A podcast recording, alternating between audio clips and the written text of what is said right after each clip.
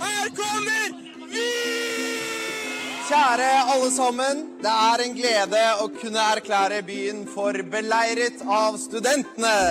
Dæven. Fytte grisen! Vi er på gjenåpningsfest. Stemninga her er helt sjuk, ass. Det er rett og slett skikkelig, skikkelig kult. Dette er ukesenderen.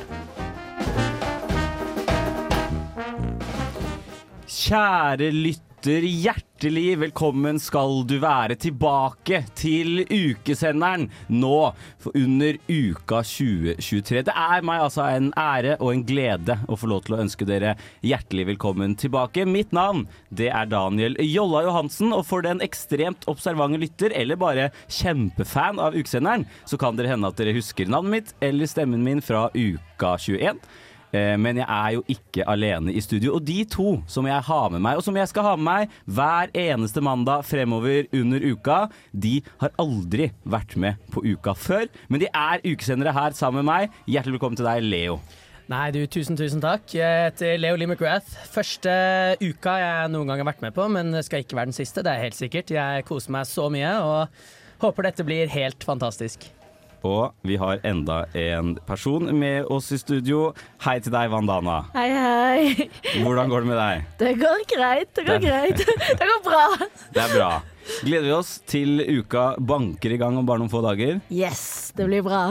Det er bra. Vi skal selvfølgelig prate mye mer om det her på kanalen, men først så må vi få litt musikk, som alltid på radioen, og vi starter ukesenderen med ukeartisten Honningbarna, som gir dere låta si Fri Palestina.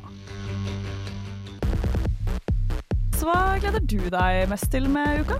Jeg gleder meg sykt til å høre på ukesenderen. Og for å kunne kose seg med ukesenderen, så må vi være litt grann kjent med menneskene som står i studio. Mitt navn er som sagt Daniel Jolla Johansen. Og eh, jeg er litt interessert i å bli kjent med deg, Vandana, og deg, Leo. Så jeg starter med å spille to relativt enkle spørsmål. Vi begynner med deg, Leo. Ja, ja. Hvor gammel er du, og hvor er du egentlig fra? Du, jeg er født i 2003, og jeg er rett utafor Oslo, er det jeg liker å si, men uh, dessverre er jeg fra Bærum. Um, men uh, hva er spørsmålet ditt? Jeg lurer på, hvis du kunne komme på én setning som du føler at definerer deg som menneske, sånn at alle lytterne her ute har et inntrykk av deg, hva ville den setningen vært? Oi, um, jeg må nesten svare Jeg vil bli kjent med deg. Uh, det er vel litt at jeg liker uh, Nei, elsker å bli kjent med nye folk. Um, og hvis du ser meg ut, Jeg vet ikke hvordan du skulle visst hvordan jeg så ut, men hvis du noen gang hører stemmen min, så kom bort. Jeg ønsker å bli kjent med deg. Da kan vi jo eh, avsløre at vi har en Instagram, da, så lytterne kan gå inn og titte på hvor det snart dukker opp et bilde av deg etter denne sendingen. Så hvis du lurer på hvordan Leo sender, syns, eh, sender hvordan han ser ut, syns han har en fantastisk flott stemme, så gå inn på Instagramen vår, så ser du hvordan han ser ut. Og så vet du at han har sykt lyst til å bli kjent med deg hvis han møter deg på gata. Helt riktig. Vandana, hvis du skulle komme med en setning som definerer deg, da, hva ville den setningen vært? Åh. Hmm. Jeg ville sagt kanskje overtenkende, men uh... Noen ville jo da tenkt at det var et ord. Men jeg er ikke nødvendigvis at jeg ville tenkt det. Det er overtenking. Ja. Nei, vent, her, hva mener du? Nei, jeg bare tenker at eh, overtenkende er et ord, ikke en setning. Men jeg er en sånn flisespikkeri, altså. å ja, å ja, sånn ja. OK, jeg er et uh, veldig overtenkende menneske. Der er vi. Der, ja. okay. Kjempebra. Eh, jeg innser jo at jeg kanskje må komme med en setning som definerer meg òg. Man kan ikke forvente at folk fra 2021 sitter her og nilytter til ukesenderen og husker alt jeg har sagt. Eh, da, jeg, jeg kjører på med 'jeg er ikke så sur som jeg ser ut som'. For jeg, jeg har hørt flere ganger at jeg kan se litt streng og, og mutt ut. Men jeg er ikke så streng, håper jeg da. Hva syns dere to? Det er faktisk sant. Jeg tenkte på det i starten, Ja, at det virket litt sånn streng. Først- Men eh, ja. Ja, Første gang jeg møtte deg, så tenkte jeg akkurat det. Så det var veldig fint å få oppklart i det, syns jeg, da. Ja, for du har ikke Nå har jo vi kjent hverandre i hva skal vi si, en måned cirka. Ja. Det var først nå, da jeg sa det høyt, at du skjønte at jeg er ikke egentlig så sur som jeg Ja, jeg har gått hjem og hyperventilert og grått hver kveld, så um, håper du forstår det. Eh, vi, kan jo, vi kan jo ta en liten historie da, fra da vi møttes første gang, Leo. For vi, hadde jo, vi startet jo ganske Hva skal vi si? Vi startet ganske bra. Vårt eh, vennskap, kjennskap, kall det hva du vil. Ja, hva var det jeg- du presterer å, gjø, presterer å gjorde første gang vi møttes? Nei, det var jo en hyggelig kveld da, hvor eh, alle sammen eh, tok seg en liten øl hver. Og jeg hadde jo da en, selvsagt en eh, øl som krevde en bokseåpner. Jeg fant ingen bokseåpner, men rett ved siden av meg var det et par med nøkler. Og de var da ikke mine, men jeg tenkte vel at de skulle holde, men det gjorde de jo ikke. Så jeg presterer jo da å ikke åpne boks, ikke åpne flaska, men jeg klarer jo da å prestere å knekke nøkkerne. Så da må jeg gå med hala mellom beina til Daniel og be om unnskyldning. Ja. Så du knakk nøklene mine, rett og slett. Helt riktig. Det tok ca. en halvtime fra jeg møtte deg første gang. Ja, nesten ikke det engang. Har, du gjort, har du gjort et så dårlig førsteinntrykk noen gang, Anna? Nei, ikke som jeg kan huske. Nei. Ganske rolig menneske, vil Nei. Vil du si at du eh, Nei, ok, dette er eh, Jeg sier jeg stiller deg det spørsmålet for det. Vil du si at du skulle åpne ølen rent av praktiske grunner, eller brukte du nøkler bitte litt for oppmerksomhet? Du, ehm, det var nok litt for oppmerksomhet. det skal sies. Um, den ølen skulle vel fort åpnes på spektakulært vis. Folk bruker jo eh, alt fra snusbokser til eh, tenna sine til eh, nesa si til å åpne de boksene der, så da tenkte jeg at jeg skulle bruke en nøkkel. Det er eh, første og siste gang jeg gjør det. Vet du hva, det er bra. Eh, er det det rareste du har gjort for oppmerksomhet? Det er et veldig godt spørsmål, faktisk. Um, et av dem er kanskje å være på Radio Revolt eh, 16 til 18 hver mandag. Ja, ser man det. Syns du det er rart, altså? Jeg syns det er eh, Jeg syns det er veldig naturlig når jeg tenker meg om. Enig. Hva med deg, Wanda? Har du noen gang i livet ditt gjort noe rart for oppmerksomhet? Ah, jeg eh, Jeg kommer virkelig ikke på noe, men eh, jeg er en veldig høylytt person. Mm. Og, eh, så Korrekt. Wow, damn! OK! men eh, ja, jeg kommer ikke på det. Jeg snakker ganske høyt. Jeg, eh, det skaper mye oppmerksomhet i seg selv, men Ja. eh, ellers så nei. Men du har aldri snakket ekstra høyt foran mennesker for at folk skal se på deg? Hmm, nei. Nei, Nei. du sa det med veldig søt tone. Nei da, jeg kunne aldri falt meg inn. Ne- Nei, men Så greit. Vet du hva? Vi skal kjøre på med bitte litt eh, mer musikk her på kanalen. Her kommer ukeartist Bo Millie med låta I'm In. Max, er du ukesjef? Ja. Ukesenderen på radio Revolt. Det dere hørte der hjemme, det var tidligere ukesender Helle Norheim som intervjuet daværende ukesjef Max Meinick. Og hennes åpningsspørsmål til Max, det var det flotte spørsmålet. Max, er du ukesjef? Og med det så vil jeg gjerne ønske velkommen i studio til deg, Kari Bøckmann. Hei, så hyggelig å være her. Det er veldig hyggelig at du ville være her. Og mitt første spørsmål til deg blir jo da selvfølgelig Kari, er du ukesjef? Ja, det er jeg. Det stemmer. Fantastisk. Jeg har innsett nå at det, dette må jo bli en tradisjon, fordi vi vet jo at dere er ukesjefer. Jeg vet ikke hvorfor Helle valgte å spørre det spørsmålet, men det var det hun valgte å stille. Og så tok vi det derfra. Ja, Fint å starte nye tradisjoner. Ja, veldig, det er bra. veldig bra. Men da får lytterne invitere seg, og det er sikkert eh, helt strålende. Vi skal selvfølgelig komme litt mer inn på dette med ukesjef, for det er en stor, skummel og truende tittel som du har skaffet deg. Eh, som gjør at du, høre. du høres ikke ut som et menneske, du høres ut som noen man er livredd for å møte på i gangene. Men. Jeg syns vi skal starte bitte litt med deg da, Kari, så vi kanskje vet hvem du er. Når du kommer hjem om kvelden, hva er det du gleder deg aller mest til å gjøre da, når du er liksom skjermet fra omverdenen? Du, jeg ser faktisk eh, eh, eh, på Below Deck for tiden. Det er min sånn skjerme meg fra omverdenen. Eller fordi det er noe med eh, når man har litt store verv. Det er akkurat som en jobb. Man må på en måte skille litt eh, privatliv og jobbliv. Ja. Så hjemme så ser jeg mye på Below Deck. Det er en skikkelig sånn dårlig reality-serie.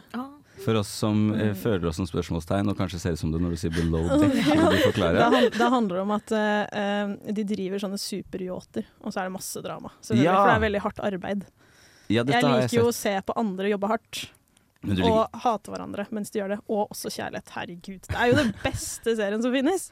ja. Ja. Vil du anbefale alle å gå hjem og se på det? da, Ja, ja, ja. ja, ja. Absolutt. Okay. Men uh, det er ikke på så mange plattformer da, som må finne det fram. Men, uh, men uh, jeg anbefaler det, altså. Det er veldig, det er veldig lett.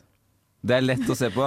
Lettbeint underholdning. Hva skal det bety? Krever ingenting av deg som, som seer i det hele tatt, liksom. Du trenger ja, Ja. alle poeng forklares fire ganger. Jeg har jo aldri vært veldig- stor fan av reality, men det jeg kan huske er med en gang pandemien i 2020 kom. Da måtte jeg ha litt normalitet i livet, så da er det første og siste gang jeg så en hel sesong av Paradise Hotel. Ja, men Paradise Hotel, det klarer jeg ikke. Det synes jeg, jeg, jeg blir for klein, liksom. Jeg klarer ikke å se på det.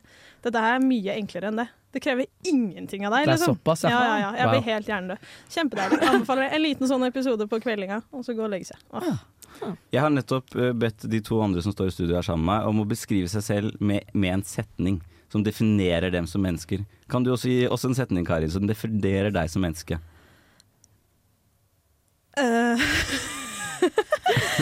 Ehm, eh, um, ehm, Oi, det var skikkelig vanskelig. Sant? Ja, det beklager jeg. Ja. Men Ja, men eh, kanskje eh, Det er jo Jeg vet ikke om det definerer meg som menneske, men jeg er veldig opptatt av at man ikke får noe mer moro enn det du lager sjæl.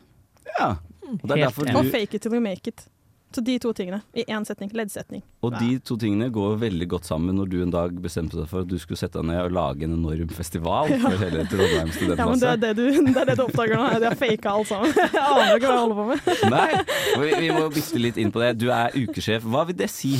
Uh, det, er, eh, det er jo en rolle som utvikler seg veldig, så på starten så er det veldig sånn strategiske valg, sånn som man gjør i på en måte ekte store organisasjoner. Så må du jo velge litt hvilken retning man skal, og hvilke store prosjekter man skal gjøre, og hva som skal til for å gjøre de store prosjektene av mennesker og penger og engasjement og alt mulig rart, liksom, og samarbeid og ja. Eh, og så nå så har det liksom Fra jeg startet i januar i fjor, da, så har det, det startet liksom med det største. Oi. Og nå begynner vi å bevege oss innover på mer og mer spisset, på en måte. Og eh, bare oppgaver som er sånn å holde taler og representere uka og si hei til folk og ja. Men eh, mens vi snakker om eh, utvikling, eh, du kan jo si at uka har jo holdt på veldig lenge. Den første uka kom jo i 1917. Eh, mye har jo endret seg siden da.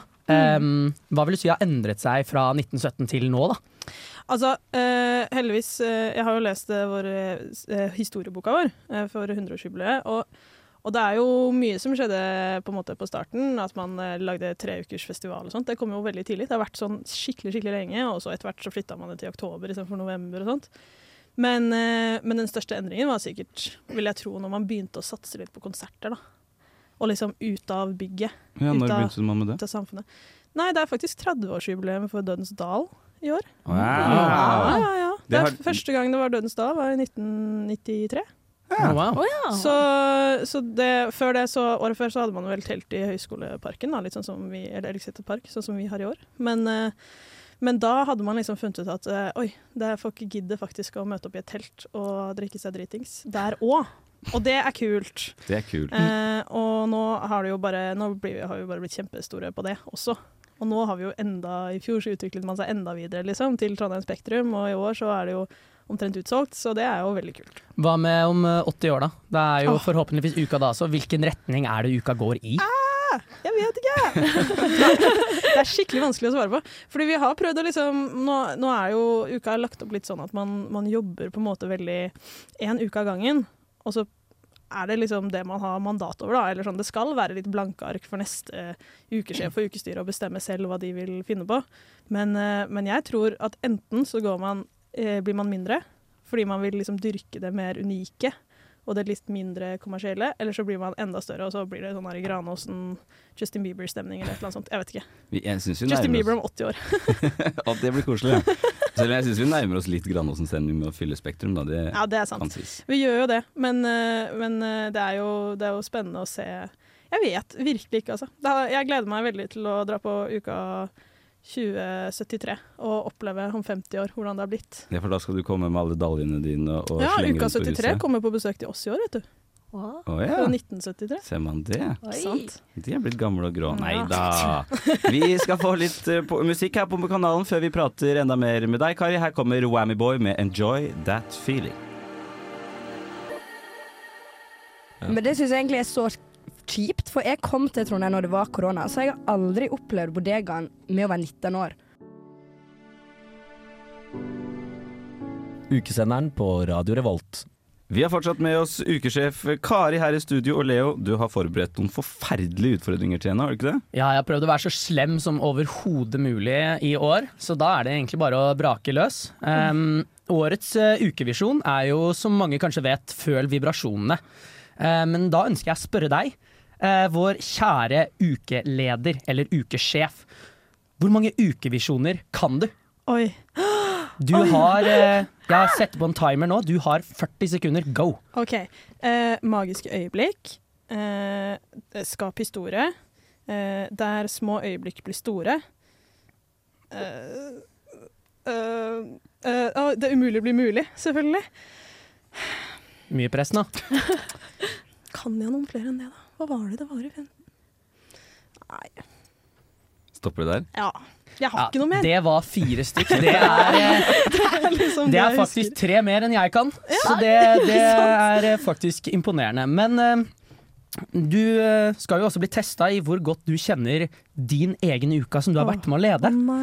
Nå har jeg en timer på 60 sekunder. Jeg vil at du skal nevne så mange arrangementer fra ukas Ja, årets uka som du bare overhodet klarer. Okay. Tre, to, én, go. Ukerevyen. Eh, Arif og Stig brenner i Dødensdal. Promenadekonserten. Eh, eh, Supperevyen. Revykavalkaden. Eh, ginsmakekurs. Whiskysmakekurs. Surdeigskurs. Eh, uketrimmen sauna. Uketrimmen buldring. Uketrimmen eh, eh, salsakurs. Eh, temafest eh, sirkus. Sirkus Eliassen i Storsalen. Eh, Ramón. Eh, pressure. Eh, vi har masse mer. Metteson, vi har eh, Cezinando ganger to. Vi har Blest ukas artist, Bomilli ukas artist. Vi har eh, eh, Vrengt gikk på knaus. Vi har eh, eh, Barneteatret da Onkel Kulle ble sprø. Tur i tunnelen. Um, altså Knutsen og Ludvigsen, da. Det er det. Um, den eh, kulturelle spaserstokken skal vel også ha noen sånne dansekurs. Jeg husker ikke helt hva det heter. Uh, og vi har Ukegleden med sånn perling. Uh, Og der har- gikk tiden. Det var 25, som så vidt jeg klarte å telle. Det er Det er, for mye nest, press. det er nesten én hvert andre sekund. Det Ja, er det veldig. Det er veldig imponerende. Ja, du, du blir jo mest begrenset av evnen til å snakke fort, følte jeg heller. Så du, fort, du glemte de aller viktigste arrangementene hele uka. Det er selvfølgelig ukesenderen live på klubben Ja, hver er søndag. Det er sant. Det glemte jeg. Ja, ja. Så um, har vi også en uh, ting til. Altså, det er jo veldig viktig med dette med PR. Vi må Mm. jo bleste dette. Vi må jo snakke om uka som om det er det råeste som finnes, fordi det er det jo åpenbart. Det er jo åpenbart det. Jeg, vil, for meg. jeg har tenkt til å sette av 20 sekunder nå. Ja. jeg vil at du skal promotere uka 23, men du får ikke lov til å bruke bokstaven E. Go. Eh, Nei! Wow, ok, ok. Jeg, jeg, jeg start. Ta, ta, ta deg fem sekunder til å tenke okay, litt, og så starter vi en ny. Jeg gir deg 20 sekunder, OK? Si ifra når du er klar. Uh, Ikke start med én neste gang. Det er du mye lenger. Okay, Tre, Ok, jeg klar. to, én, gå. Uka, uka, uka, uka, uka. Uh, faen! Jeg må tenke så mye. Er stunt som har kommet til studio. Ja. Stunt, stunt, stunt. Bra, bra, bra. bra. Fett, fett, fett. fett. Nei, Nei, faen! nei, der stopper den. Der stoppa, der Det var etter 20 sekunder. Ja, Det var, der sorry, stopper den, altså. Nei, men var du, skikkelig dårlig på det. Det er er veldig vanskelig enn- å tenke hva, hvilken bokstav som er i ord. Ja, men har språk noe å si? Språk, og Vil du snakke et annet språk? Ja, hvis du kunne sagt det på engelsk, liksom. Ja. ja, det er Jeg føler ikke jeg klarer å tenke noe fortere. Få høre, Vandana. Uka will blow your mind. ja. Hei! Der er vi. Der er vi. Det var veldig bra. Superbra. Tusen takk for at du kom hit, da, Kari. Jeg var veldig dårlig på disse challengene. Jeg Jo da. beklager. Nei, altså. hallo. Men vi hadde et mål om å sette deg litt uh, på pin... Hva kaller man det? Vet, På snakke. Er det riktig, altså? Ja, det er det det heter. Okay. på Jeg sa, da satt vi deg på pinebenken, følte du? Ja, litt. Det er bra. Ja. Ja, ja. Det. man trenger ikke å få til alt mulig her i verden. Nå kommer det snart en ukeartist på Radio Revolt. Jonas Benjob heter han. Eh, Jeg føler at jeg så han i sommer på Øya, eller blander jeg med noen andre? Ja, jeg tror han har spilt eh, litt i sommer, altså. Ja, ser man det? Forrige gang han eh, var på en av disse, så kom Karpe også. Så får se om Oi. det skjer i Storsalen. Dette er ikke en tease, dette er bare noe du Nå bare, er bare noe jeg drømmer om, nå bare drodler ukesjef Kari her. Tusen takk for at du kom til oss. Tusen Jonas Benjum her, Assa, med låta 'Marsipangris'. Terje! Skru av den jævla radioen, da! Hold kjeft! Jeg hører på ukesenderen! Og nå skal vi ha en liten radiolek her på ukesenderen. For dere som er Hvor gammel er man da hvis man har hørt om dette før? Man er ca. 15 år oppover, gjetter jeg. Og hvis det ikke er sant, så får noen arrestere meg. Eh, Da har man kanskje hørt om radioleken 20 spørsmål. Som startet som en radiolek på NRK, så gikk det over til å være TV-program. Da jeg var liten, så så vi på det, i hvert fall mens jeg satt i sofaen til farmor og farfar. Og så lurer jeg på, har dere noe forhold til Sju spørsmål? Leo Vandana? Nei, jeg, eh, dessverre ikke. Når jeg hører på radioen, så pleier det å gå i MP3. Men eh, jeg vet ikke. Hva med deg? Nei, samme egentlig. Har ikke hørt om det, nei. Men vi har tenkt å slå til her og klare denne her. Ja. Eh, Siden dette er uka 23, da, så har jeg oppgradert. Så det heter 23 spørsmål istedenfor 20, selvfølgelig. Gjør leken bitte litt lettere for dere to. Så hvordan leken funker, er at jeg har med meg noen ord. Så jeg kommer til å si ordet til lytteren etterpå, og da må dere ta av dere headset og alt mulig. Eh, og så skal dere da stille ja eller nei-spørsmål til meg. Eh, og så skal dere klare å komme frem til dette ordet på under 23 spørsmål. Og hvis dere klarer det på under 23 spørsmål, så skal dere få en eh, privat fly med gokartbane i. Yes! yes! let's go! Ja. Alltid hatt lyst på en sånn. Eh, så eh, nå, nå må dere ta av dere headsetet, og så må dere holde dere for ørene, og så må dere lage en liten lyd som gjør at dere ikke hører hva jeg sier. Og kjære lytter, hvis du er med å gjette, så må du også ta deg på ørene, holdt jeg på å si, i tre sekunder, og så sier jeg ordet. Eh, ordet er lyskaster. Lyskaster. Ref. Eh, lyskasterne på taket på Samfunnet under uka. Da kan dere ta av dere eh, airmuffs, hva heter det på norsk? Vandana, du som er så god i engelsk. Eh, Hæ? Nei, ikke tenk på det. Mm. Det er da altså et uh, ord som er ukarelatert. Eh, jeg kan si så mye som at det er et ord sammensatt av to dere skal frem til. Okay. Og da er det bare å starte og stille, starte og stille spørsmål. Du kan begynne. Ok, men da begynner jeg, da. Du, jeg starter med en eh, Er det et substantiv? Ja. Ah, okay. Å, jo, ja. Jeg håper Ja er ikke et svar. Nei, men jeg, tenk om jeg tar feil. Tenk hvis jeg ikke kan Tenk hvis det er lenge siden jeg gikk på norsk på videregående. Det Jeg skal sette ja, ja. én foran. Ja. Å ja. ok, da er det greit. Hmm. Uh, er det noe som man kan ha inne? M- Man kan ha inne Du stiller et vagt spørsmål, så da svarer jeg ja, jeg.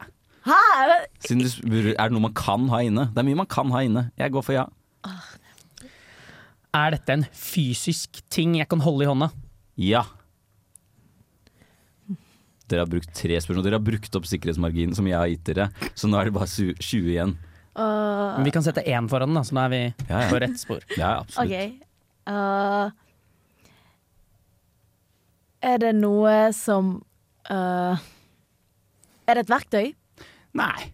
Nei. okay. Kan jeg kjøpe det på bunnpris? Nei. Nei. Oi, du blir stressa, Andon. Er det, er det dit du går for å skaffe deg ting? Uansett hva når eller hvorfor. Bunnpris. Jeg bare tenkte mat, you know. Ja, Men ok. OK. Dessverre ikke. Det er ukerelatert. Ja, ja, ja. ja. Så um, er det noe man kan finne på en konsert? Eh, ja, på en måte. Ja. Um, finner jeg denne fysiske tingen på Samfunnet? ja. Oi. Bokstavelig talt. Huh. Bokstavelig talt. Mm. Jeg skulle si sånn ett samfunn, men det går ikke. Um, Nei, det går ikke. Du har kommet frem til én. Ja, ja, det er én! OK. Ja. ok. Um, øh, er det noe vi kan bruke? Ja. Ja, men sånn Er det et lokale på Samfunnet? Nei. Nei. Sånn, ja. OK. Ja, ok, ja. OK. Hæ? Uh, Det må gå litt fortere, dere. Vi Vi har brukt ja, ni ja, spørsmål. sorry. Um, har det noe med musikk å gjøre? Ikke noe musikk. Um, er Serverer de alkohol der? Oi, what? Hæ? Eh, nei. Nei. Det er ikke et sted. Det er ikke et sted. Nei, det er et godt poeng. Det er en ting. Er det noe man kan ha på seg? Nei. Er det noe som eh, kommer og går? Nei. Nei. Men på en måte, hvis man kjenner til uka og dets tradisjoner, så ja. Men det, det kan ikke komme og gå av seg selv. Nei. Oh, no. Er dette ordet vibrasjoner? Nei, det er Nei. ikke Ja, Dere trenger noe hjelp, dere. trenger hjelp. Vi trenger hjelp. Ok, hvordan skal jeg hjelpe dere uten å Dette er en, en fysisk ting som man kan bruke til noe. Uh, og den er veldig fremtredende på Studentsamfunnet under uka. Kanskje opptil flere av disse tingene er fremtredende på Studentersamfunnet under uka. Vær så god. Dere har Um, brukt 15 spørsmål, 14 spørsmål. Går det an å spise eller drikke dette? Nei, da dør du. Oi. Eller Oh. OK. Oh. Ja, det Ah. er sånn. Ja, det, er altså sånn. ja, det er jævla dumt. Du får det ikke til, er vel egentlig riktig å si. Ok, Så det er større, det er stort, da, med andre ord. Å ja. oh OK, jeg tror Um, um, Uh, Er det noe som har noe med kunst, kunst å gjøre? Ja, du kan lage kunst av det, men da er du flink. Oh, ja. OK, da er du flink. Litt løst. Um, um, nærmer oss nå. finner du det i storsalen? Nei. Nei. Fem spørsmål igjen. Nei, jeg kommer ikke på noe spørsmål. Um, um, du finner det ikke i storsalen? Nei. Men du Nei. finner små varianter av dette i storsalen. Over hele storsalen så finner du små varianter av dette. Jeg tar tilbake svaret er ja. OK, OK, OK. ok um, Er dette um, noe som går på strøm? Ja. Oi. Ok. Uh. Fortere. Um, lager dette tingen lys? Ja. Er det lys? Er. Lyskaster! Yeah! Åh! Ding, ding, ding, ding, ding, ding, ok, ok, ding. wow. 21 spørsmål klarte du det på, Leo. Det betyr at under uka 21 så hadde du vært akkurat innafor da òg. Jeg hadde vært helt Wow. rå da. Ja, men så er du på en måte litt enda råere i år, da, siden du klarte to spørsmål før marginen. Er. Gratulerer. Kjenner dere til eh, lyskasterne til uka, hvorfor det er temaet jeg valgte? Nei. Fordi på taket på Samfunnet så står det to gigantiske lyskastere, og under hele uka så kommer de til å lyse opp himmelen eh, her i Trondheim. Og flytte på seg og danse og lage mønster og showheie. Så hvis man ser opp på himmelen en sen oktoberkveld, så kommer man til å se to lysende prikker som danser over skyene. De viser veien, med andre ord. De viser veien hjem til det runde huset. Og med det så skal vi få en ukeartist her på radioen. Her kommer han, sjølvaste 50 Cent med låta PIMP. Ta og Bli med meg ned trappa her, skal jeg vise noe kult.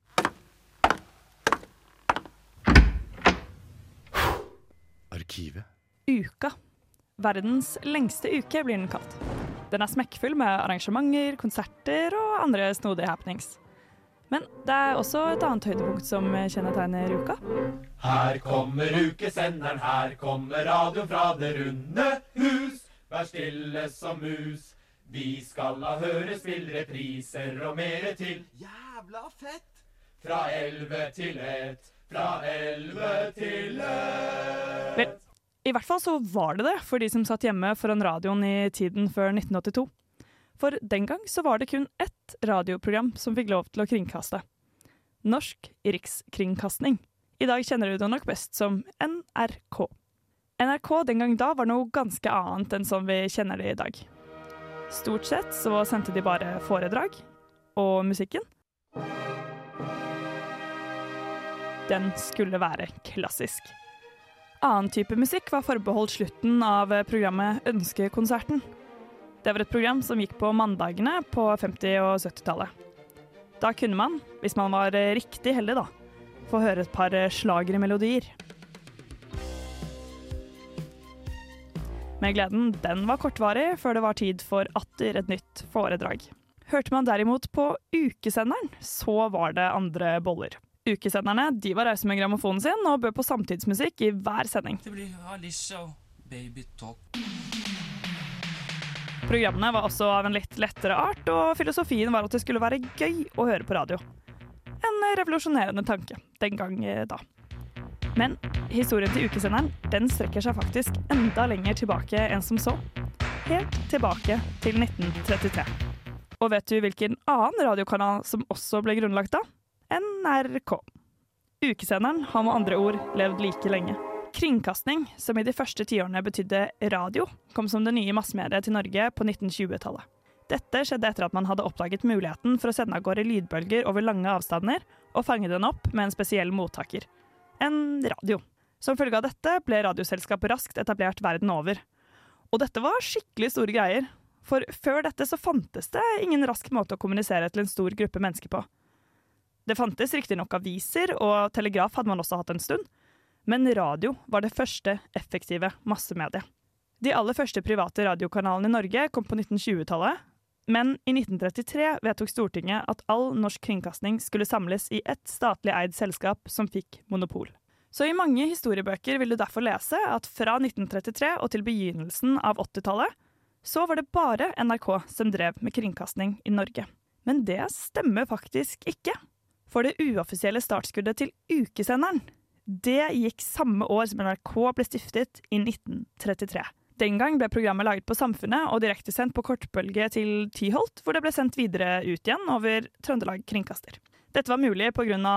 ARK, Akademisk radioklubb, som sto for den tekniske byggingen og driften av ukesenderen i Trondheim. Kvaliteten på det som ble laget, eh, den var eh, Eller, vel, jeg har ikke hørt det, så jeg skal ikke uttale meg. Det fins dessverre ikke så mange opptak fra denne tiden. Men i Adresseavisen den gangen så kunne man i hvert fall lese at programtilbudet for det meste hadde bestått av eh, sitat studenterviser, drikkeviser og mye annet rart. Men når alternativet er foredrag fra morgen til kveld, så høres jo det ikke sånn kjempedumt ut, spør du meg. Klinger igjennom den gamle stad på nye studenter sang. Fram til krigens begynnelse var ukesenderen på lufta temmelig sporadisk, og kom ikke alltid i forbindelse med studenteruka. Faktisk gikk mye av tiden til barnetimer, for i denne perioden så fikk ukesenderen lov til å sende under NRKs middagspauser, og ikke kun etter NRK hadde avsluttet dagens program, slik som ellers hadde vært avtalen. Det skulle ta enda lengre tid før en egen kringkaster kom for uka, slik at ukesenderen fikk begynne å sende regulære sendinger. Den kringkasteren fikk vi imidlertid i 1945, da tyskerne hadde etterlatt seg tre kortbølgesendere av typen Philips. Ved freden overtok eh, Svakstrøm-laboratoriet på NTH to stykker, mens Trøndelag Kringkaster fikk den tredje som en reservesender. På denne tiden var radioen først og fremst et middel for å holde kontakt med studenter som pga. krigen hadde søkt tilflukt i andre land. Men ukesendetradisjonen ble opprettholdt også etter dette. I 1949 og i tiden etterpå var eh, Televerket rause med å dele ut frekvenser som kunne benyttes for å sende radio. Av hensyn til lytterne ønsket ukesenderen likevel ikke å skifte frekvens midt under uka 49, selv om de hadde mulighet til det. Dette betydde at ukesenderen dette året hadde programmet Voice of America som nær nabo i 41 og 49 meterbåndet. På denne tiden var det jo også kald krig, noe som innebar at russerne gjorde det de kunne for å stikke kjepper i hjulene for amerikanerne. Med amerikanske naboer hendte det derfor at målrettede angrep mot amerikansk radio traff oss istedenfor og ukesenderen ble som følge støtt og stadig kuttet av lufta. Ut på 50-tallet nådde ukesenderens frekvenser helt ut til både Danmark og Sverige, men vi hadde utfordringer med å nå ut til Østlandet. Derfor ble det gjort eh, forsøk på å ha en egen sender i Oslo i 1955, ved at programmene skulle tas opp og så flysendes til Oslo. Dette snedige påfunnet ble godkjent av Televerket, men ble siden torpedert av NRK i kraft av deres monopolstilling. Det var altså ikke bare fryd og gammen å kringkaste radio ved siden av de høye herrene i NRK. Likevel var vi jo faktisk heldige som fikk lov i det hele tatt. NRK hadde jo tross alt monopol, ble det sagt. Ja, hvorfor var det egentlig sånn at ukesenderen i det hele tatt fikk lov til å lage radio under NRKs monopol? Jo, det skal jeg fortelle deg. Noen ihuga og engasjerte studenter er nok de vi skal takke for at det ble forhandlet frem en avtale med NRK som gjorde at ukesenderen fikk litt spesielle vilkår til å sende radio. Avtalen var at ukesenderen skulle få lov til å sende når NRK var av lufta.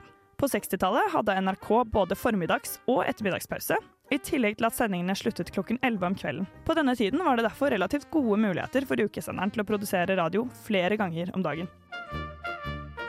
Etter hvert utvidet NRK sine sendinger, som betydde at det da kun var sene nattsendinger igjen for ukesenderen. Dette gjorde det naturligvis vanskelig å lage radio for de aller fleste studenter, som tross alt iblant hadde gjøremål på dagtid også. Men dette vedvarte til 1971, hvor ukesenderen for første gang fikk lov til å starte nattsendingen sin 24.00, til tross for at NRK fortsatt var på lufta. En riktig god kveld sier vi her i ukesenderen til alle dere som nå har slått på radioen for å følge oss ut i natten. Dette betydde at NRK og ukesenderen nå sendte radio parallelt. For første gang fikk lytterne to reelle valgmuligheter. Skal jeg høre på foredrag og klassisk musikk, eller skal jeg høre på samtidsmusikk og koseprat? Valget var lytterens. Ukesenderen var også tidlig ute med stereosendinger på FM. Dette foregikk i to år, før NRK satte i gang med faste sendinger i stereo i 1975. Disse forsøkene var imidlertid helt uoffisielle, og når lytterne med stereomottakere så at stereolampene begynte å lyse, hendte det rett som det var at ukesenderen fikk spørsmål av lytterne om hva i all verden det var som hadde skjedd. Da måtte studentene så godt de kunne forsøke å dysse det hele ned, som regel ved å skylde på et defekt filter som kom i skade for å tenne på stereolampene. Dette litt kaotiske radioeventyret ble imidlertid kortvarig, for på midten av 70-tallet ble monopolstillingen til NRK strammet inn. I 1977 og 1979 sørget NRK ved Einar Førde for at det ikke skulle bli noen ukesender.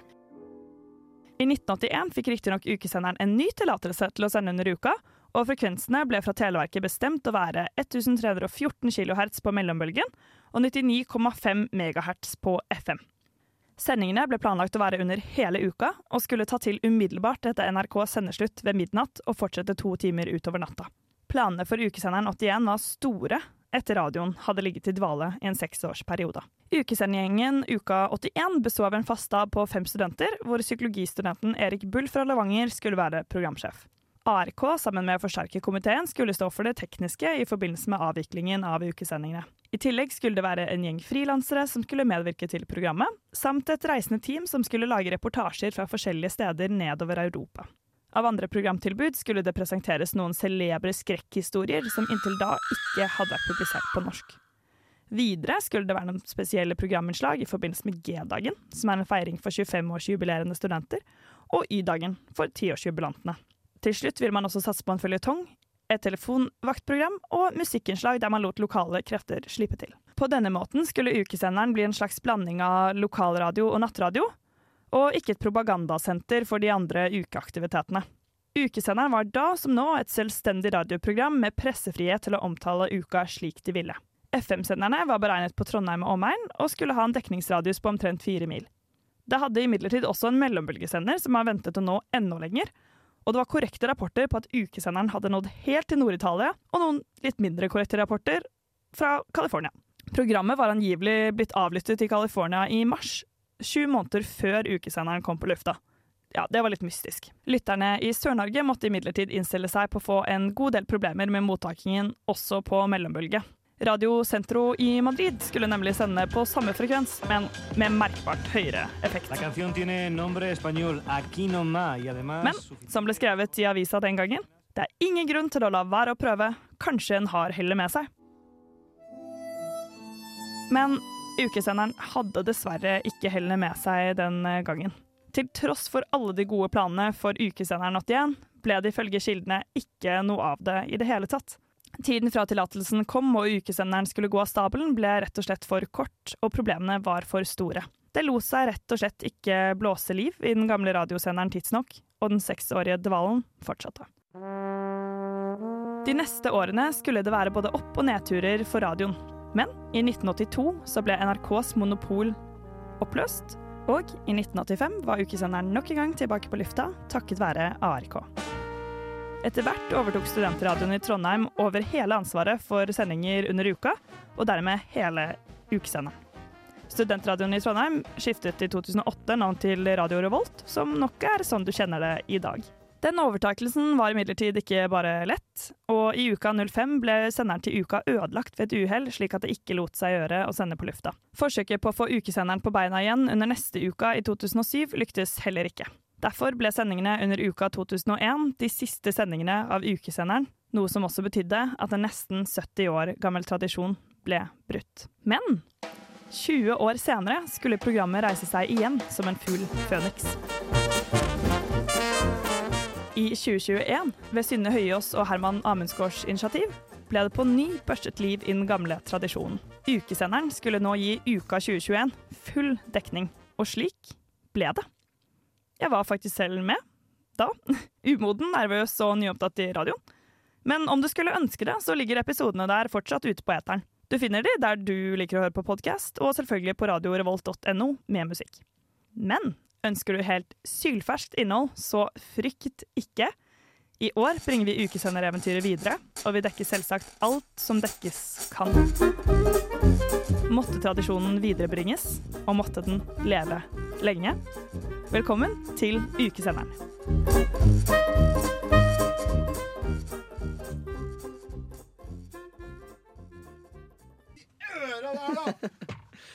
Ukesenderen! Ah, det knur reit i ørekanalene, det her, ja. Når det er en studentmasse som samler seg, så sier det seg selv at det er mange meninger om mange ting. Helt sikkert. Og, og noen meninger de er litt mindre populære enn andre. Og jeg, for dem, dem, som man ikke sier, som kjenner meg, så vet de at jeg, har, jeg liker å ha meninger, og jeg liker å ha meninger som eh, ikke alle andre har. Jeg har en mening som jeg føler så sterkt på at jeg må få den ut på lufta. Og det er at jeg hater daljer. Du gjør det, ja? Vet dere hva daljer er? Nei, Ja, for, for, alle, for alle viewersene der hjemme, kan ikke du forklare hva det er? Ja, daljer. Det er sånne små eh, Jeg er vant til å kalle det medaljer, egentlig, men jeg har skjønt at det er ikke det det heter. Sånne små medaljer, eller daljer, da, som henger på brystet på en dressjakke eller på en kjole, eller hva det skulle være.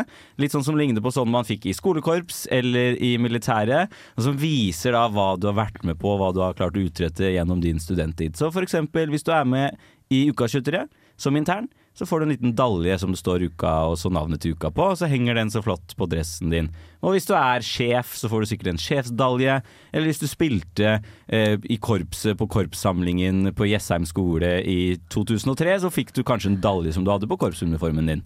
Og det der greiene der, jeg kan ikke fordra det. Nei, men du, jeg må si meg helt uenig daljer. Eh, Jeg, jeg elsker bare hele konseptet der. Um, Ah, jeg jeg Jeg skjønner ikke hvorfor du ikke liker det. Hva er forklaringen? Fordi eh, jeg føler at når noen kommer inn i et rom, en fest da, eller et sted hvor det er masse glade mennesker som skal prate sammen, Aha. og så kommer én som kanskje nettopp har vært med, føler seg usikker, syns de gamle, store, gamle gutta som har vært med lenge, de er litt skumle, Aha. og så kommer de inn, og så skal de i tillegg liksom lyse så jævlig ny liten gutt av deg, fordi du ikke har noen daler, mens han som sitter borti hjørnet der, han har ti stykker hele dress, det klirrer når han går over for å kjøpe seg en øl, fordi han er så storkar og har vært med på så jævla mye. Jeg synes det er ekkel, usmakelig innkultur som jeg ikke vil ha noe med å gjøre. Det er jo åpenbart at folk elsker daljer, da. Eh, Jeg var jo med å arrangere en veldedighetsfest for linjeforeningen min Abakus nå i går. Og da auksjonerte vi bort en eh, Da auksjonerte vi bort faktisk en eh, 40-årsjubileumsdalje.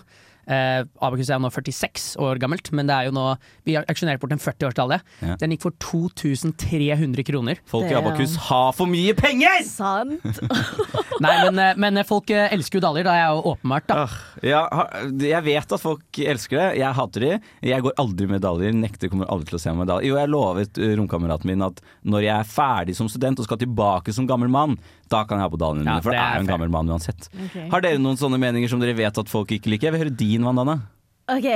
uh, ok, Den er litt sånn low-key, men det er mest fordi jeg er edru. Men uh, jeg liker kebaben på sesam. Og jeg føler det er ganske mange som hater meg for det. jeg vet ikke hva, men Men vet du hva? Og dette er jo dumt, da, for jeg skal jo komme med meninger. Jeg er lite grann enig. Nei, Altså. jeg, nei, nei, nei, nei, nei, nei. Det må være én rasjonell stemme her. Det, det går ikke. Men fordi eh, kebaben i Trondheim, dette er typisk Oslo-gutting å si. Nei, jeg var ræva kebab i denne byen her. De, de har jo ikke skjønt hva sterk saus er engang. De har hvitløksdressing på kebabene sine. Det er jo helt natta. Men på, på Sesam så får man jo faktisk litt grønnsaker og sånn. Og det er ikke så vanlig på kebabsjapper at man får litt eh, tomat og De later som at de har på tomat, og så finner du én liten bit nederst i den der lompa der. Mens på Sesam er jo Du får faktisk litt av det du kjøper, da, føler jeg. Jeg skal være helt ærlig og si jeg går alltid på den andre siden, der hvor de serverer burgere. Ikke at de er sånn uh, helmaks, men det er i hvert fall litt bedre. Verdens raskeste jeg syns de er litt overpriced, though. Ja, de er det, men du får dem jæskla raskt. Får dem på to sekunder, da. Der er det burger. Der er det burger. Sånn er det på CSA. Altså, du går inn, og så får du en burger før du har bestilt. Ja, det er faktisk sant. Okay, okay. Hva med deg, Leo? Har du en mening? Du, jeg har faktisk en ganske sterk mening, og det er det at den 50 Cent-konserten, den er overhyped og overpriced. Eh, jeg mener jo Oh, no. Jeg mener jo at 50 Cent er jo en fantastisk artist, men at den konserten skal koste 750 kroner, det er litt styp eh, pris for meg. Okay. Så mener jeg også at uh, Cezinando burde hatt plass på Dødens Dal. Det er mange flere enn eh, som er plass til i eh, Storsalen. Det er jo tross alt to konserter, men det er ikke nok, in my opinion. Han burde vært på Dødens Dal. Ja, der har jeg en kommentar. Fordi eh, dette med 50 Cent kan vi komme tilbake til. Men eh, hvis du er fan av Cezinando eh, og har skaffet deg billett, så kan du prise deg lykkelig for at han er i Storsalen.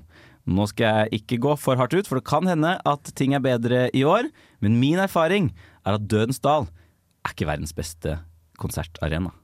Så eh, hvis du liker artisten, så eh, se frem til en intim og god konsert i Storsalen, heller enn en altfor stor og litt tam konsert i Dønsdal. Dal. Ja, men den, den kjøper jeg faktisk. Den kjøper jeg. Ja. Men eh, den 50 Cent er alltid Den er for dyr. Den er for dyr, ja. Eh, den er dyr, ja. Den er det, men hallo, det er 50 Cent, da. Ja, kan, vi ikke, kan vi ikke innse at han, eh, han skal ha de pengene? Hvor mange av sangene kan du? Nevn, nevn 50 Cent-sang. Den som nesten heter sånn DYMD, men så heter den visst egentlig PIMP. Og så kan jeg um, Take Me To The Candy Shop-sangen, men jeg vet ikke hva den heter. Ja. Og så kan jeg oh, Charlie, It's Your The Club heter den. Ja. Um, der er vi. Tre, Der- tre der- tre. Men det er egentlig min, min opplevelse også, at jeg føler at det er de tre folk kan. Ja.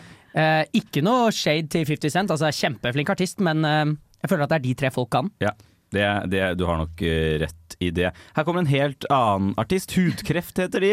Det håper jeg ikke dere får, men dere får i hvert fall låta 'Døve ører' her på Radio Revolt. Per, du lyver! Nei, det gjør jeg, jeg. Ukesenderen er det beste du kan høre på under uka!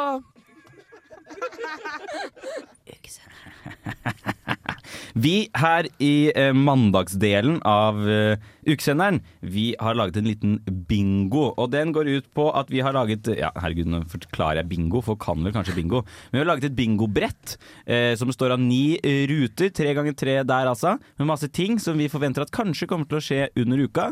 Og så er det selvfølgelig plassert på forskjellige steder på hvert sitt brett. Og så får vi fire her i programmet hvert vårt brett. Og den som får bingo, dersom noen får bingo, det blir altså tre på rad. Det er ikke sånn bingo funker? Korrekt, dere. korrekt. Så det er tre ganger tre.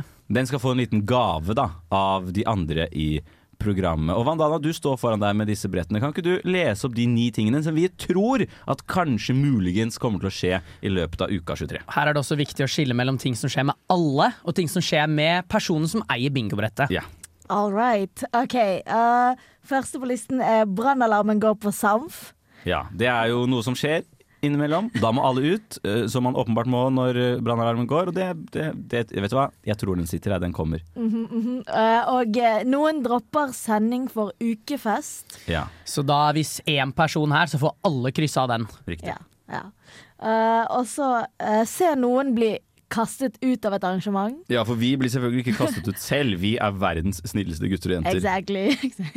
uh, og eh, Daniel synger feil tekst til sang. Ja, Du hører, hørte jo kanskje tidligere hvordan han eh, trodde PIMP het Ja, du kan jo si Jeg, sjøl. jeg, jeg, jeg klarer ikke å skjønne det, så jeg sier bare et eller annet sånn I'm the motherfucking D-Randy. Et eller annet. Snøvler jeg det vekk. Um, og så uh, at en av oss møter en artist. Ja, det kan skje. det kan skje Ute på Eh. gata, vi kan intervjue artister. uh, you name it. Mhm. Da er det jo da selvfølgelig personen som møter artisten, som får kryssa Ja, ja, ja. av. Nei, hæ? Oh, ja. Jo da, du skal Jo jo være da. litt stas å møte en artist. Det er kun du som får den. Ja. Ah, damn. OK. Um, Vandana er programleder, så Hell yeah! Og Banana, får alle den, eller får kun Vandana den? Det er jo spørsmålet. Jeg tenker at alle får den, jeg. Okay. greit, alle kan få den. Ah, ja. Hvorfor skal alle få når jeg piner Vet du hva? Bare du får den, Banana. Takk, takk. Ja. Uh, intensiv Nei, ikke intensiv, hva heter det? Insentiv. Tusen takk. tusen takk. Jeg vet ikke hva det ordet betyr. Nei, men eh, det lærer du. Anyways. Uh, tar taxi hjem. Yeah, den får du kun selv. Ok, vent, her, Nei. Ah, Nei, alle andre unntatt den personen. Fuck, OK. Ja, det var det mye Den funker, den funker, noen kommer for sent til sending. Den eh, føler jeg at kommer Alle andre enn du Er selv får den. Ja, Ja, korrekt, ja, korrekt. Eh, og siste teltet i Dødensdal raser ned. Ja. Det håper vi jo ikke skjer. Ja. Forhåpentligvis. Jeg si det! Her er det, her er det et par tusen ikke vi, vi klapper den ut, dere, og spiller litt musikk her på Radio Revolt. Her kommer Names Bliss Scruss med Iniesta Flow. Ukesenderen! Vi i Ukesenderen vi vil jo selvfølgelig også ut og prate litt med folk, for det er kjedelig om vi skal være sånne helt utilgjengelige, skumle mennesker som står inne i et studio og prater. Så en i dette studio har vært ute i feltet i den Oh, siste no. tiden. Eh, og hvem, hvem er det som har vært ute i feltet, lurer jeg på? Jeg lurer også litt på det. Hva er dette for slags eksistensiell krise Ja. du har? uh, nei, nei. Jeg har vært ute, ja. Ja. Så, eh, Hva er, det du har, hva er det du har gjort der ute i verden, da? bare vært på gløs og fått høre litt meninger om, eh, Om ting og tang? om ting og tang, ja. Skal vi høre på det, da, eller? Ja, kjør på. Ja, vi prøver oss. Hallo, folkens. Mitt navn er Vandana, og jeg kommer fra Ukesenderen. Nå er jeg på Gløs, hvor jeg skal finne ut av folkets tanker og følelser rundt Norges største kulturfestival, Uka 23. Hva forbinder du med uka? Faen, samfunnet. Eh, høst, kaldt, øl, venner, musikk og revy. Fest og konserter. God stemning og festival. Musikk og fest og Eh, masse gøye arrangementer, særlig Trønderfest og Oktoberfest, egentlig. Hva føler du om ukeslag, ukeslagordet, som er 'føl vibrasjonen'? Det er, Det er veldig rart. Jeg synes, eh, jeg liker på en måte Det er gøy, men det, er, jeg, det kan fort bli litt seksuelt, syns jeg. Ja. Og hvorfor? Fordi jeg forbinder vibrasjoner med vibrator, som man kan ta på kroppen sin og få oppleve en seksuell opplevelse. Eh, men jeg ser det for meg Jeg ser for meg liksom at byen rister når, eh, når samfunnet er eh, når, når uka er i gang. kreativt. Jeg vet ikke. Ja. Jeg syns det er ganske passende. Uh, Syns det er fengende. Eh, veldig sånn, eller høres ut til å føle på, liksom. Men man skjønner greia, på en måte. At man eh, blir i godt humør når man tenker på uka. Så det er bra slagord. Hvilke arrangementer har du tenkt deg på under uka? Eh, jeg har ikke meldt meg Jeg har ikke kjøpt noen billetter til konserter ennå, men jeg tenkte jeg skulle det, og så skal jeg på Trønderfesten. Jeg har tenkt å dra på flere, men bl.a. blant annet Trønderfest gleder jeg meg veldig til. Eh, Supperevyen. Og revyen, da. Det er det, det er det viktigste med uka. Eh, også ukesenderen på søndager. Man er sånn hang og kan dra og se på det på klubb eh, Edgar. Trønderfest. Oktoberfest. Ja. Jeg har, hadde lyst til å dra på Silent Disco, men jeg har ikke billetter, så Jeg skal i hvert fall på Silent Disco, Trønderfest og den roasten. Hvilke ukearrangement er det du aldri kunne tenkt deg å dra på? Oh, flørtekurs. Flørtekurs. Eh, 50 Cent, kanskje. Aldri kunne tenkt Jeg vet ikke. Nei, jeg vet ikke. Um, flørtekurs. Jeg er sykt god på det fra før av. Jeg kunne aldri tenkt å dra på Jeg tror jeg kunne dratt på alt, jeg, egentlig. Jeg gjorde på en måte det for to år siden. Nesten alt. Jo, jeg er ikke, jeg er ikke så glad i hun der Fetisha. Men jeg, Det har sikkert vært gøy å være der, men jeg kommer aldri, jeg kommer aldri til å dra dit. Uh, beskriv uka med tre ord. Uh, gøy, uh, rødt, samfunnet. Fest, glede, moro.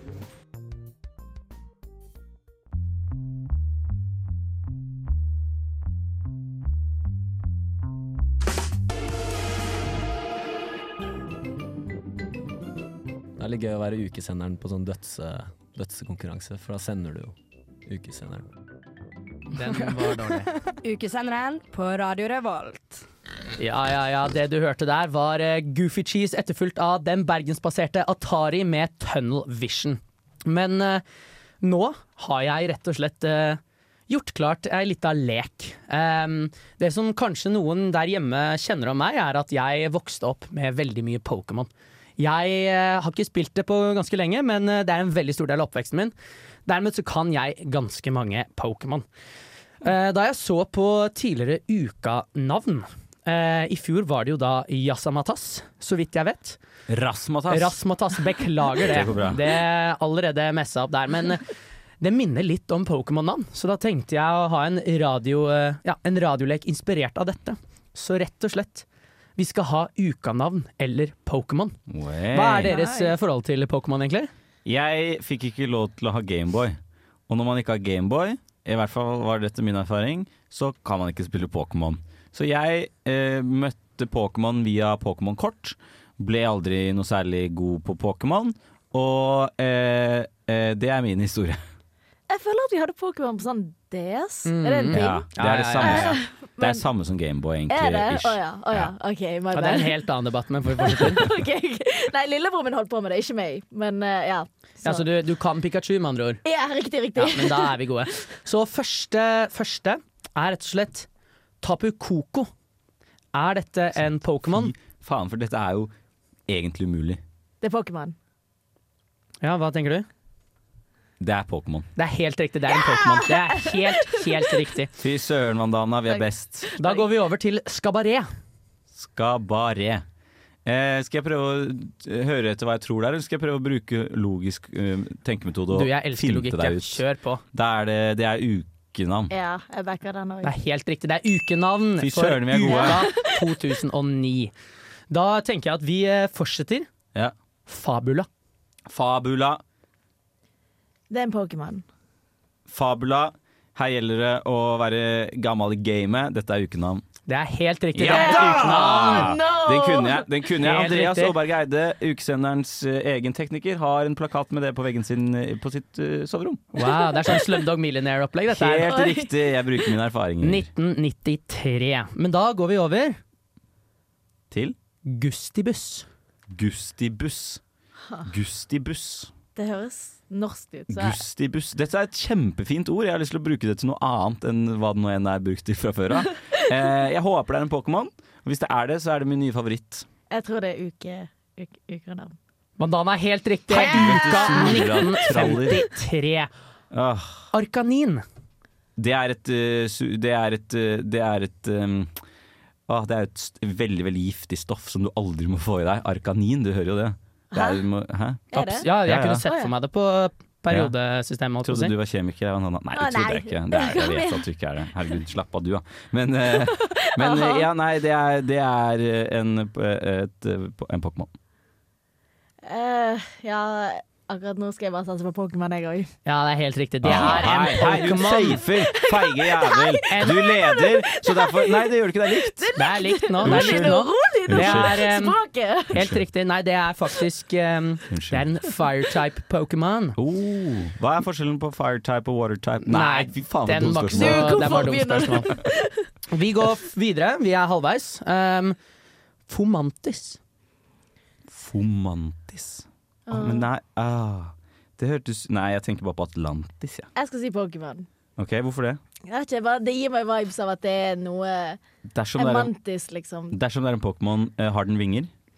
Jeg ser for meg at den har noe i form av finner. Litt sånn- Finner? Vannpokémon? Ja, litt sånn der i den Jeg tror det er et ukenavn, jeg. Det er eh, enda et poeng til Vandana. Det er en Pokémon!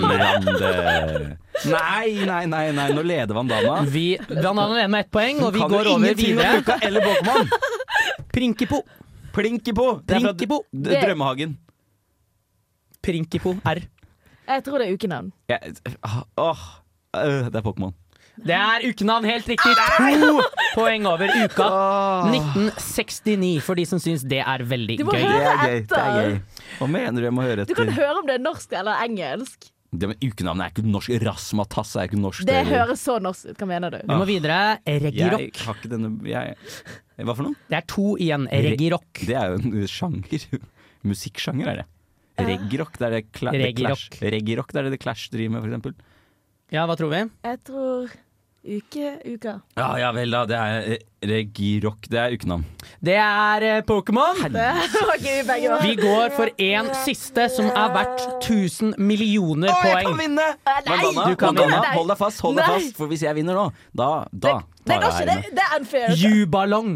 Juba, jubalong. Og nå trenger vi svarene ganske fort. Ukenavn! Pokémon. Det er ukenavn! Uka da! 2013! Gratulerer til på Daniel. Gratulerer så sykt mye. Ta den, da. Det der er ikke Den greit, ass. komme. Ugreit. Kom Hva skjer nå på kanalen, Leo? Det som skjer nå, er Kan du høre meg nå? av Fakey Seb. Amle, amle, amle, amle. Hva skal vi anmelde i dag? Hva skal vi anmelde i dag? Er det nok? Ja. Er det ikke det? Jo. Jo. Jeg anmelder deg!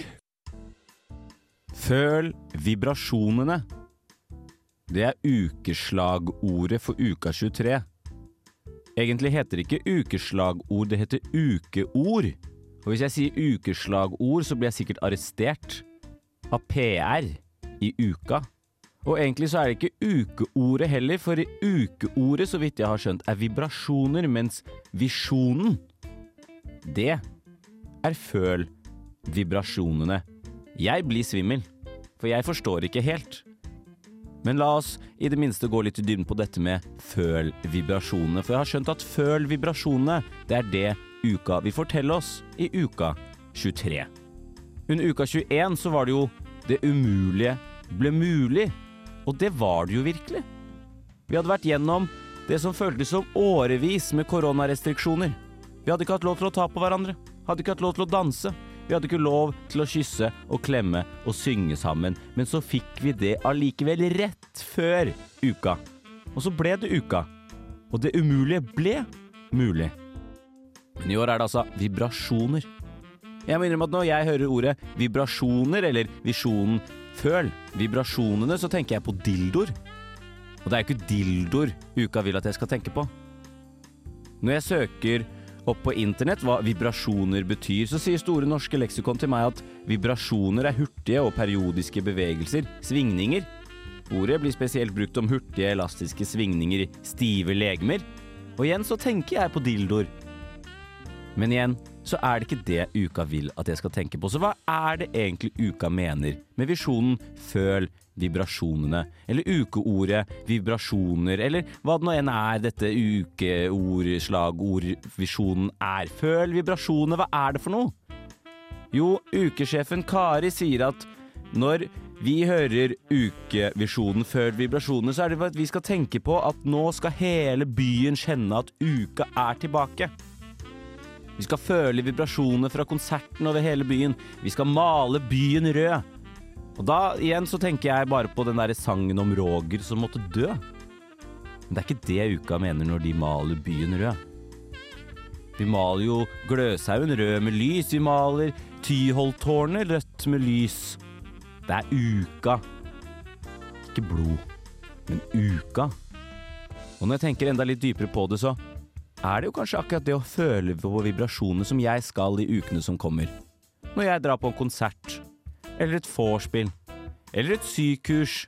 Jeg kjenner samholdet, jeg kjenner gåsehuden reise seg når jeg om bare få dager ser opp på fasaden til samfunnet og ser ukenavnet komme foran meg. Da er det kanskje noen vibrasjoner jeg føler på bassen som dunker gjennom kroppen. Det er kanskje vibrasjoner der ute. Visjonen resonnerer kanskje mer med meg enn jeg tenkte. Akkurat sånn som vibrasjoner gjør. Jeg skal ta det til meg. Jeg var skeptisk, men jeg er ikke så skeptisk nå lenger. Det hjalp bare å tenke litt på det. Så la oss gå ut der og føle på vibrasjonene. Og siden jeg skal gi denne visjonen en slags anmeldelse, så får jeg si at det blir fem, da. Fem av syv høns. Fem av syv høns på tak. For høns har vinger, så hvis de sklir og detter litt, så går det fint. De klarer seg. Bare tenk litt på det. Føl litt på det. Føl på vibrasjonene. Jeg gleder meg. Takk, uka. Hvem er det som har spist opp all kaka her? Det er vel ikke tilfeldigvis uh, My Fat Friend? Ukesenderen på Radio Revolt.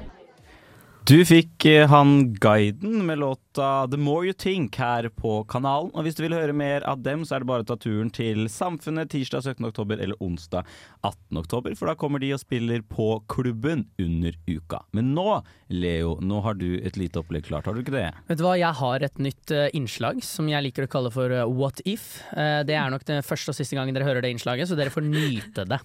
Um, det som er tanken nå, dere er sjefen for uka 25. Shit, ass. Jeg føler meg mektig. Så um, spørsmålet her Jeg kommer til å gi deg noen scenarioer, og der hjemme dere kan også prøve å tenke ut hva dere ville gjort. Så første scenario er at du har uendelig penger. Eh, og alle artister eller ja, arrangementer eller hva som helst, alle du spør, døde eller levende, vil komme og opptre. Hva lager du? Oi. Skal gi dere bitte litt tid til å tenke. Jeg sier med en gang at jeg ville hatt både Post Malone, Michael Jackson, altså nå, alt mulig rart, jeg. Eh, Michael Jackson tar på barn, så han vil vi ikke ha. i Okay, men den eh, går vi ikke inn i. den? Den går, nå er heldigvis 18-årsgrense her, men eh, Ja, han har ikke tilsvarsrett, eh, eller han får ikke det, for han er død. Eh, skal vi se. Jeg, jeg, starter, jeg starter veldig enkelt, da. Eh, for nå kan jeg på en måte vekke folk tilbake til live. Eh, så Jokke, eh, han kommer. Joakim Nilsen, Jokke Valentinerne. Du ser ut som, du ser ut som verdens største spørsmålstegn, Mandana. Altså, jeg har ikke sett et dødere uttrykk i hele mitt liv. Beklager. Men dette er en norsk artist. Kaller seg for Jokke. Jokke og Valentinerne. Jokke med Tourettes. Han er død. Han døde i 2002. Nei, stryk det. Han døde i 2000. Punktum. Okay. Han vil jeg ha. Men han er ikke så dyr, så jeg må ta noen som er jævla dyre i tillegg. For jeg har jo ubegrenset med penger. mm, Og hva, hva slags kurs har du? Hva slags Å herregud, jeg har eh, astronautkurs, hvor du kan Oi, bli utsatt oi. for masse G-krefter og, og bare lære deg å bli astronaut. Eh, du vet sånn derre trommelmaskin, holdt jeg på å si, som Ja, du snurrer ja, ja. rundt i. Sånn skaffer vi oss. På toppen av Tyholttårnet så er det en sånn en. Bygger om Tyholttårnet. Fuck Egon. Ha, ut med Egon, inn med sånn trommel Ja, men jeg som snurrer. jeg elsker det. Ja. Wow, hva skjer med kreativiteten der? OK, jeg er ikke så helt der oppe. Men jeg er ganske ukulturelt. ul- Ukulturert, som dere sikkert har merket. Så jeg ville bringt inn Bollywood.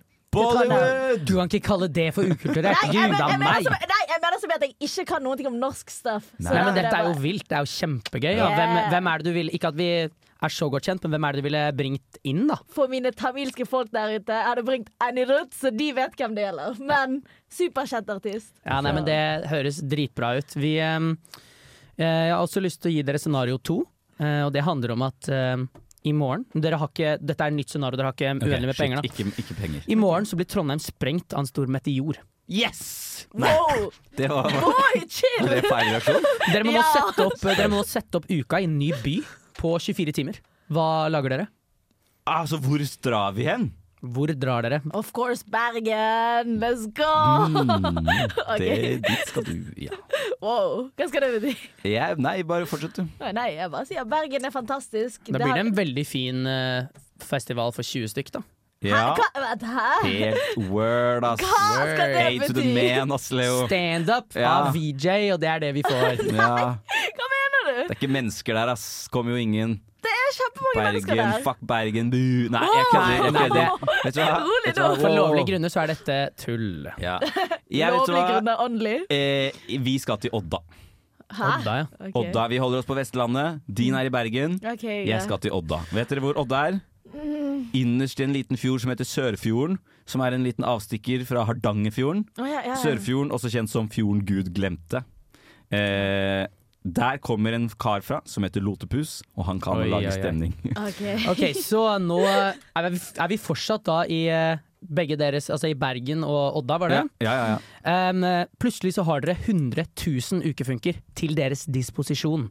Hvordan ser Bergen ut, og hvordan ser Odda ut? Ah, ok, for Odda er allerede verdens flotteste sted. Jeg lyver, men jeg mener det litt også. Fordi eh, der er, midt i Odda så ligger det et eldgammelt smelteverk. Et gigantisk smelteverk som er lagt ned. Fordi, ja så Odda er liksom flaflytta, flaflytta tydeligvis. Eh, og trist. Men det ligger et e- enormt smelteverk midt i sentrum der. Og det selvfølgelig gjør vi jo om til Oddas eget samfunn. Vi bygger opp igjen. 100 000 Herregud, så mange mennesker. Oi. Vi kan bygge dette smelteverket til et samfunn som er mye større enn samfunnet vi har her i Trondheim. Fullt av konsertscener og, eh, og drikkesteder, holdt jeg på å si. Fy faen så bra det blir inn på det smelteverket. Og så har vi selvfølgelig hovedscenen på toppen av Trolltunga, for det ligger rett Oi, overfor. oi, oi, oi. og- Ok. rett Klarer du å matche dette her, da? Oi, nå eh, Vi har vel alle fjellene våre, så Ja. jeg vet ikke helt hva vi kan gjøre med det. 100 000 mennesker kan vel kanskje ikke få lov til å stoppe å regne, men Wow. Tenk å gjøre det. low hanging fruit, men den var der, da. ja. Nei, men Ta den du, Bergen. OK, rolig nå. rolig nå jeg, jeg skal være helt ærlig, jeg vet ikke hva man skal gjøre med 100 000 folk. Men med Bergen kan man finne på hva som helst. Åh, åh, det blir Odda, eller? Te, se for deg Lotepus, da. Han dirigerer 100 000 mennesker. Jeg kan jo bare sitte i en solstol og slappe av og drikke eh, Hardangersider. For Lotepus tar jo kontrollen. Han elsker kontroll, han. Og han får disse 100 000 menneskene til å lage noe så jævlig til stemning. Jeg gleder meg allerede ja, til Odda, uka i Odda 2025, var det det? Nei, men jeg kjente det virkelig på meg nå, at jeg begynte å glede meg litt til det. Leo, ah. følte vibrasjonene Jeg fra Odda. Jeg følte vibrasjonene fra Odda til Trondheim. Dette blir dritbra. Her kommer det litt musikk, dere. Vepsestikk, som også spiller under uka, Jeg skal spille litt musikk her på Radio Revolt. Drømmer jeg? Spørsmålstegn. Ukesenderen. Nei, da sa jeg det på dialekt. Det skal ikke gjøre. Jo, jo, jo, jeg synes det er dritkult. Ukesenderen på Radio Revolt. Vi nærmer oss eh, slutten her på ukesenderen med såkalte stormskritt. Men først så må vi prate litt om hvordan vi egentlig tror denne måneden som ligger foran oss, og som vi alle kaller uka av en eller annen eh, artig liten grunn, kommer til å bli. Har du noen forventninger, Vandana, til tiden foran deg? Jeg tror dette blir ganske bra. Jeg Tøyer grenser og alt mulig, så det blir veldig spennende og lærerikt. Ja? Du, du, først og fremst lærerik, tenker du. Det er det som er fokuset ditt. Uh, nei! Grind-settet til Vandana. Alltid lære noe. Jo, jo, jo. Viktig det. Viktig det. Ja, jeg eh, trenger i hvert fall å lære noe, fordi jeg skal på flørtekurs. Det, Hey! det er viktig. Jeg har allerede booka billett. Det var første jeg skaffa meg, og noe av det første som ble utsolgt. Det så det er jo kanskje ja, en av de første som ble utsolgt. Oi. Eh, Hvordan vil du rate din evne til å flørte nå, da, før flørtekurset? 1 til 10. Kødda. 1 til 69. 1 til 69. Nei, men jeg vil si det samme. Det ligger på en toer. Nei, Eh, ikke så- utvide skalaen så mye. Ja, jo da, og jo da. Så vi får vel, vi får vel oppdatere dette her da når jeg kommer tilbake. Selvfølgelig skal vi oppdatere når du er på flørtekurs. Eh, ser du for deg å eh, skaffe deg kunnskapen som kreves for å flørte med noen, eller har du et lite, bitte lite dypt inni deg håp om å møte kvinnen eller mannen i ditt liv på dette flørtekurset? Oi! Jeg velger å ikke svare. Oi. Han, eh, ingen kommentar fra Leo der, altså. Det er jo Faen, nei, nei, nei da så. Jeg eh, forventer at eh, jeg får lov til å se en kul eh, konsert i løpet av denne uka. Jeg vet ikke hvor den kommer ennå. Jeg aner ikke. Jeg skal se eh, Faen heter de, ja. Unnskyld. Banner og står i, vet du. Det er ikke bra. Honningbarna skal jeg se! Det gleder jeg meg til. Men jeg kommer til å være klinkende edru. Og så er jeg spent på eh, om jeg får lyst til å bli med i moshpiten selv uten alkohol i blodet. Jo da, jo da. Sist jeg var i, sist jeg var i moshpit, så fikk jeg en albue i nesa. Eh, Så det var på en måte Det var ikke så bra. Jeg så ut som et eh, vrak etterpå. Gikk rundt og var full av blod. Tok bussen, nattbussen hjem og, og, og følte meg litt skummel. Men jeg er veldig lite skummel. Jeg ser ikke så skummel ut ellers, kanskje. Uh, Faen, det, jeg åpnet sendingen og argumenteres. Ja, nei, jeg gleder meg også veldig veldig mye til um, disse konsertene. Jeg skal jo tross alt både på DDE, uh, skal på altså, Trønderfesten. Um, men det som jeg gleder meg mest til, er åpenbart Cezinando. Uh, klarte å kapre en billett fra magisk vis. Så det er kanskje noe av det jeg gleder meg aller, aller mest til. Mm. Vil du si at Cezinando burde avgå som artist fordi han har stjålet noe? Du, um, det er jo en helt annen uh, sak som vi kan bruke veldig, mye- veldig mye tid på. Jeg vil men ha et uh, raskt ja eller nei. nei. Nei, han burde ikke det. Ok, Burde, burde Bjørnar Moxnes Nei, det orker vi kanskje i hvert fall ikke å gå inn på. Innsidehandel og tyveri av solbriller Det tar vi på et annet program som heter Lytt på nytt her på Radio Revolt, som dekker nyheter, aktualiteter og hva det skulle være. Eh, liten shout-out til dem. Eh, har du meldt deg på noen kurs, Vandana? Nå har Leo allerede avslørt at han skal på flørtekurs. Skal du på kurs? Nei. Nei. Un unfortunately, nei. Men kanskje. Vi får se hvis det er noen ledige billetter her. Har du noen form for oversikt over kursene som er under uka? Jeg har sett litt på de, Ja. men jeg har litt uh, tidsmangel pga. skole litt Men, sånn. men er det noen av de du har sett som du tenkte at jeg hadde jo, jeg hadde jo faktisk fått noe godt ut av å være her? Det flørtekurset, Ja. det er ganske Der er jo ikke du så sterk. Hva mener du? Hvorfor sier Nei, det, nei men jeg, det var- jeg, jeg mente det, det var mer som et spørsmål mer enn at jeg slo fast at du ikke var sterk. Det var ikke, ikke ment sånn. OK, OK, ok, jeg skal late som at det var et spørsmål. Ja. Uh, ja, det må vel Ja, vi, vi må alle trene på det. Det er viktig, det. er viktig det. enig Jeg bare tuller. Jeg skulle gjerne lært meg å lage drinker, men det får jeg rett og slett ikke muligheten til. Jeg stoler ikke på Det er enda en ting der, Jeg stoler ikke på at det ikke er noen gløsinger som lager sånne eh, botter og bare kjøper opp alle de billettene på 1, 2, 3. Det er, det, billettsystemet må være rigged. Med så mange IT-elever så er det jo uh, veldig Er stor sannsynlighet for det. er det så mange som vil på sakekurs, liksom? Jeg kan ikke fatte og begripe at det er så mange som vil på sakekurs. Ja, nei, jeg prøvde også å skaffe den, jeg. Ja, Det gikk ikke. Det går ikke. Det gikk ikke. Hva er sakekurs? Eh, Du, sake er en eh, japansk Japansk eller japansk? Japansk. Japansk. Japansk, japansk eh, risvin. Eh, sterk eh, risvin. Så ja. Veldig, veldig godt. eh, du kan bruke det i, i drikke. Mm. Eller matlaging, for eksempel. OK. Ja, det er veldig Litt det er- uaktuelt for meg, da. Ja, ja, herregud, men eh, du skulle jo ikke på det kurset. Jeg ville på det kurset. Å, ja, ja, ja. Mm, Men så blir det utsolgt, og jeg bare tenker med en gang at det er bare tull. Det sitter ikke 10 000 mennesker Det var faktisk ikke 10 000 billetter, altså kanskje derfor. Og venter på det sakekurset. Men du, hva var det du sa at du ville i stad? Jeg- Lite throwback fra det du sa i stad, Leo. Du skulle se et band. Hvem var det? Du, jeg skal se et band, veldig usikker. Um, jo, faktisk DDE. Jeg gleder meg så mye. Jeg vil yeah. finne fram den indre trønderen inni meg selv. Fordi du skal på hva slags arrangement? Jeg skal på Trønderfest. Ja, og her kommer ukeartisten DDE med Vi skal fest. Edvard, Edvard. Ja. Har du hørt Ukesenderen? Nei, det har jeg ikke. Gjør det. Det her blir ikke noe. Nå nærmer vi oss slutten. Eh, Så alle øyekrokene der ute er selvfølgelig kliss våte. Vi som står her i studio gruer oss til å si ha det til dere. Men jeg håper vi har hatt en eh, fin liten stund sammen, da. Eller hva syns dere, Leo Vandana, som, om denne første opplevelsen med å være på ukesenderen? Gått ganske bra. Ganske. Ganske bra. Du er beskjeden type, Vandana. Jeg syns dette her har gått veldig bra fra alle. Eh, Jeg har kost meg skikkelig mye, og håper at de der hjemme også har kost seg. Ja. Eh, videre så kan jeg fortelle at eh, tirsdager, onsdager, fredager og lørdager hører du også ukesenderen. Tusen takk til Kari Ukesjef som var på besøk hos oss tidligere i dag, så skru på radioen din da i morgen klokken fire. Og nå skal vi si ha det. Her kommer ukekoret Pirum med det sterkeste kjønn. Ha det bra! Ha det! Du har lyttet til en podkast på Radio Revolt, studentradioen i Trondheim. Sjekk ut flere programmer på radiorevolt.no.